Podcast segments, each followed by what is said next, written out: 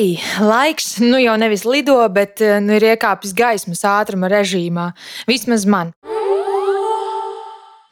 Visas dienas man sajukušas kopā, pie tam jāsaka, vasara gan dabā, gan manā galvā iezagusies ātrāk, kā biju gaidījusi. Par to man ir prieks. Prieks arī par podkāstu uzticamajiem klausītājiem un sekotājiem, joprojām Instagram, Spotify un YouTube platformās. Beidzot ir sākusies rosība, kustība, beidzot kaut ko var sākt plānot un darīt. Vai jums arī tā ir?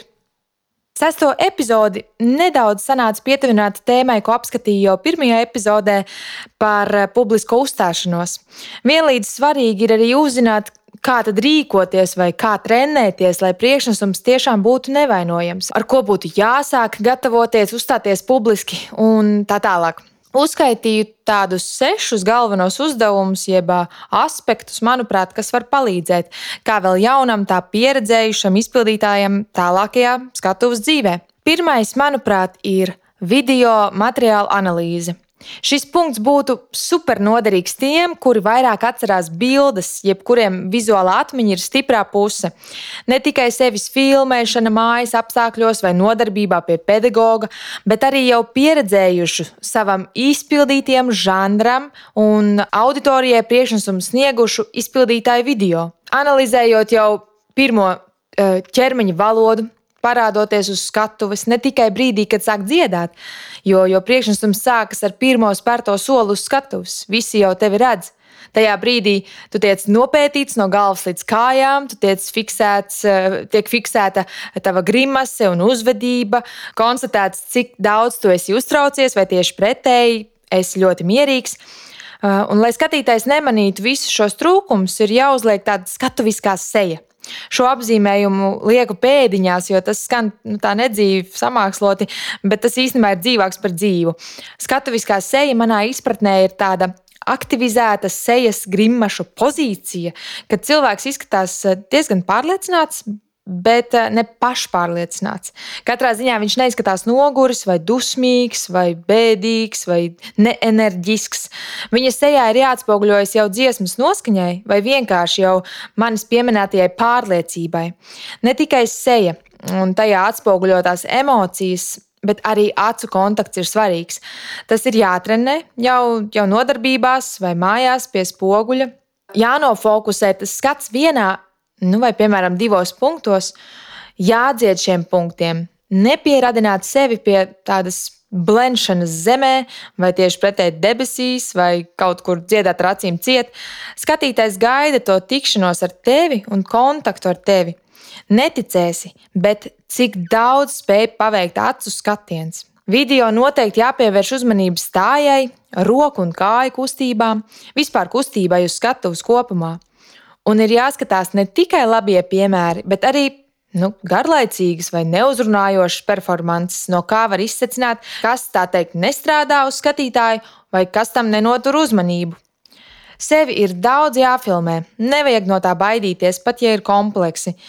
Pirmie video nav nevienam jārāda, ja nu vienīgi vēlams savam pedagogam, kurš objektīvi spētu norādīt uz nepilnībām, lai, protams, tās novērstu. No šī visa var izdarīt milzus secinājumus noķert no labajiem piemēriem gan vokālas nianses, gan ķermeņa valodu. Un uh, video nevajadzētu skatīties, koncentrējoties uz to, cik smukas, spīdīgas kurpes uh, dziedātājai kājās.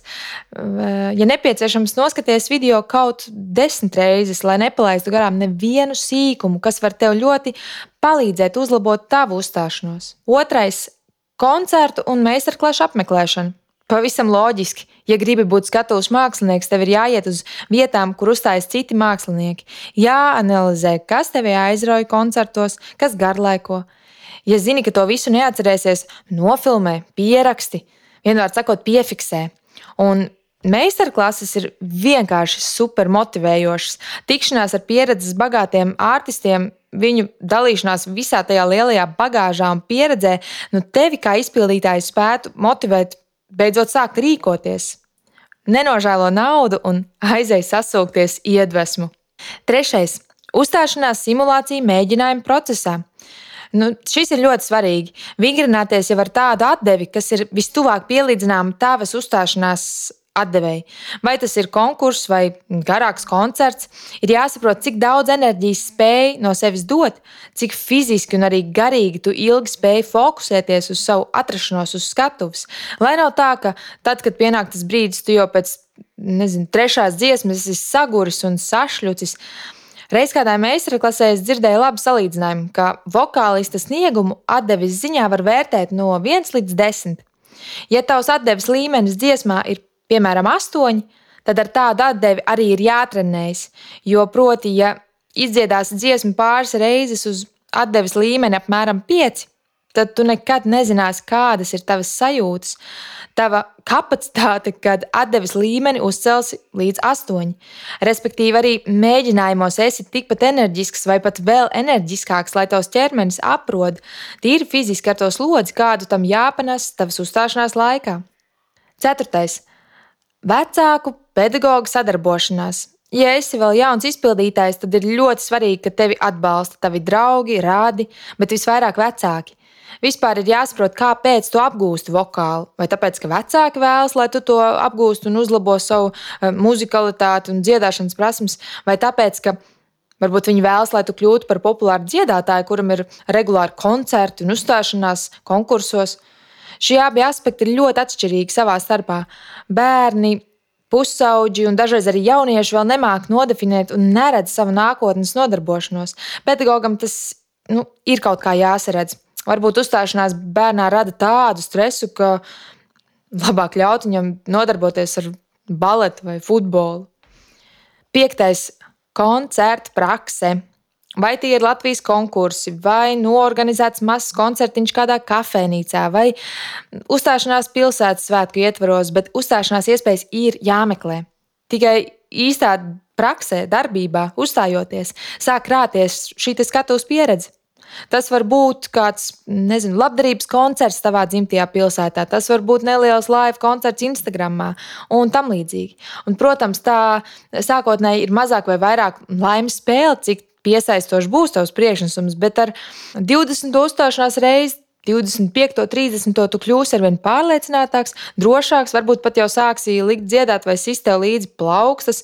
Um, varbūt visiem tā patiks, ka skatītāji paši sāks plaudēt, ka tev nav, nebūs jārāda priekšā tas.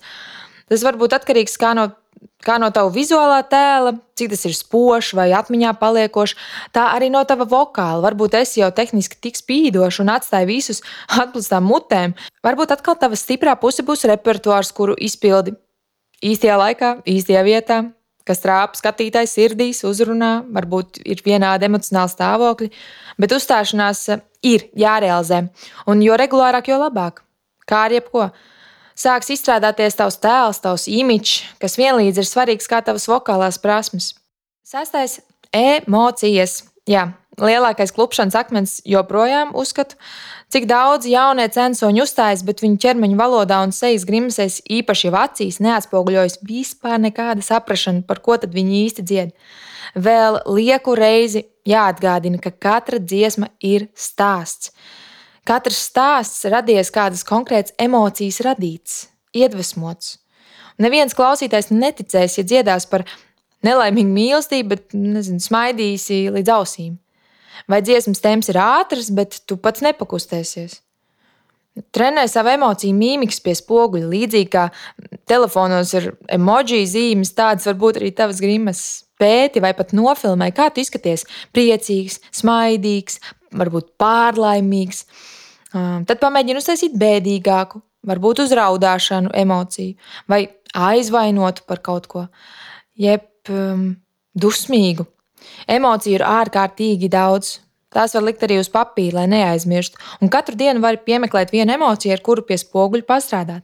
Ja tev ir izveidojies tāds uh, dienas grafiks, tad kādā brīdī iekļauj to savā dienas režīmā. Tas neprasīs daudz laika. Un pirmām kārtām, pirms apgūsti kādu dziesmu, uzmanīgi iepazīsties, par ko šī dziesma vēsta, lai zinātu, kādas emocijas tā sevī nu, slēpj, satur, un tev būtu tās jāparāda, jāpārdzīvo, līdzi jāpārdzīvo.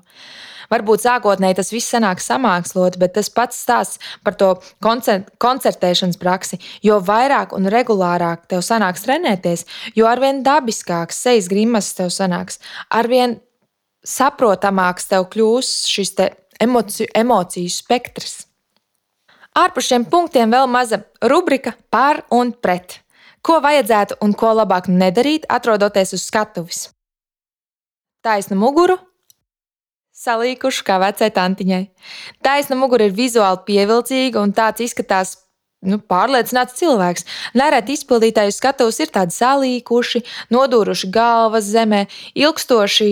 Tas, manuprāt, arī mani kā klausītāju un skatītāju neiedvesmo. Drīzāk mm, iegruzīja, ja tā var teikt.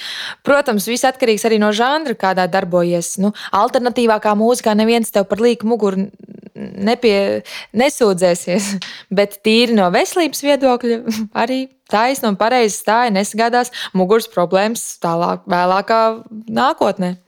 Un tas, protams, izskatās vizuāli pievilcīgi, un mani kā skatītāju uh, spēja um, piesaistīt ilgāk. Līdzīgi arī fotosesijās uh, dažreiz ir salīdzinājums, ka tev ir jāatur tik taisna mugura, it kā tu kaut ko aiz muguras taisīt, ciet. Meitenes, piemēram, taisīt ciet krūšu tur. Uh, nu, tas pats arī uz skatuves, lai tavs stāja ir diezgan gracioza un tādā veidā tu izskaties daudz pārliecinātāks. Smaidu, pokerface. Šeit atkal domāju, cilvēks kā personība, lai viņš ir smaidošs sirdī, to jau var pamanīt un ar dzīvi apmierināts. Pat ja dziesma ir bēdu vai dusmu pilna, tu pats nevari būt tāds sagrauts un, un izrādīt savu naidu visai pasaulē vai kaut kādus kompleksus. Tu vari izstāstīt dziesmas traģisko stāstu, bet pats kā cilvēks būt apmierināts un vesels. Pilnīgu repertuāra pārzināšanu līdz sīkumiem, Repertuāru, kas neapgūts līdz galam. Vērš uzmanību uz saulēcīgu repertuāra apguvi. Ticiet man, uztraukums mazinās vismaz piecas reizes. Dziesmu zina tā, kā to, cik ir divi reiz divi. Prātu neaizņem liekas domas, var pilnībā nodoties skatuvei, ja tā var teikt, un eh, vari priecīgs uzkāpt un vēl priecīgāks, uzlādētāks no tās nokāpt. Dziesmas nezināšana varbūt neizraisa tik lielu uztraukumu, ja tavs skatuves pieredze mērām vairākos gados. Bet, ja es pāris reizes izbaudīju, kā ir uzstāties lielākas auditorijas priekšā, un kad jebkurš sīkums var spēt tevi izsist no sliedēm, tad ir pat ļoti vēlams un nepieciešams zināt dziesmas vārdus, gan vokālās nianses, ko ar pedagogu esat izstrādājuši ilgākā laika periodā, gan tu saudz ar dziesmas emocijām emocionālo vēstījumu, esi audzis un zini, kur tu pārvietosies, tev par to vispār nav, jā, tev par to vispār nav jādomā, un tā tālāk. Darbošanos skatuves priekšplānā Sēšanos vai tupšanos zemē. Nu, to es nesaprotu. Kāpēc jāliek tupties vai sēsties uz zemes dziesmas laikā? Pie tam, ja to ir licis pedagogs vai vecāks no paša dziedātāja, tas nāk ļoti mākslīgi. Jā, ja dziesmas noskaņa vai var pieprasīt apsēšanos, nu, tad jāizmanto kāds rekvizīts vai krēsls. Bet ar nosacījumu, ka arī kustību apsēžoties, tu izdari pārliecinoši, nebailīgi un uh, salīdzinoši dabiski Tā kā tu sastos uz krēsla un ar kaut kādu pamatojumu, kāpēc tu sēdies, tāpēc, ka tev nav ko darīt, vai tāpēc to pieprasa dziesmas teksts, vai nezinu, tu saguri, vai kāds ir pamatojums tam. Pie tam ne visur skatuve ir vienā līmenī ar skatītāju, un sēšanā zemē liek skatītājiem meklēt, kur tu pazudi, kas tikko notika.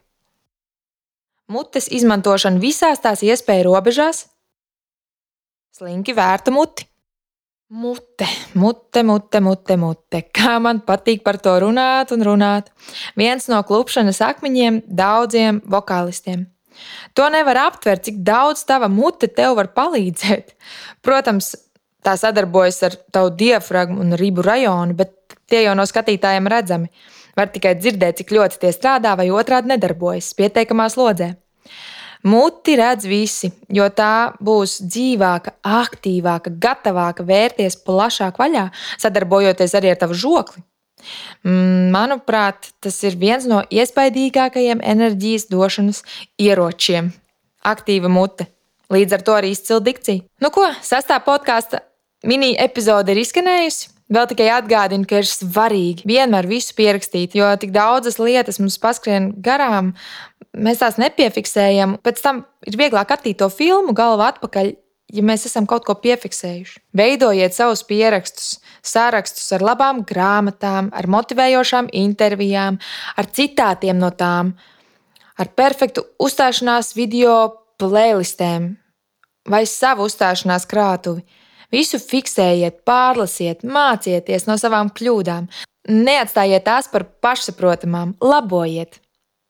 Gribiet un tiecieties tās labot. Lai jums burvīgs vasaras iesākums un nākamā lielā epizode jau pēc mēneša. Čau!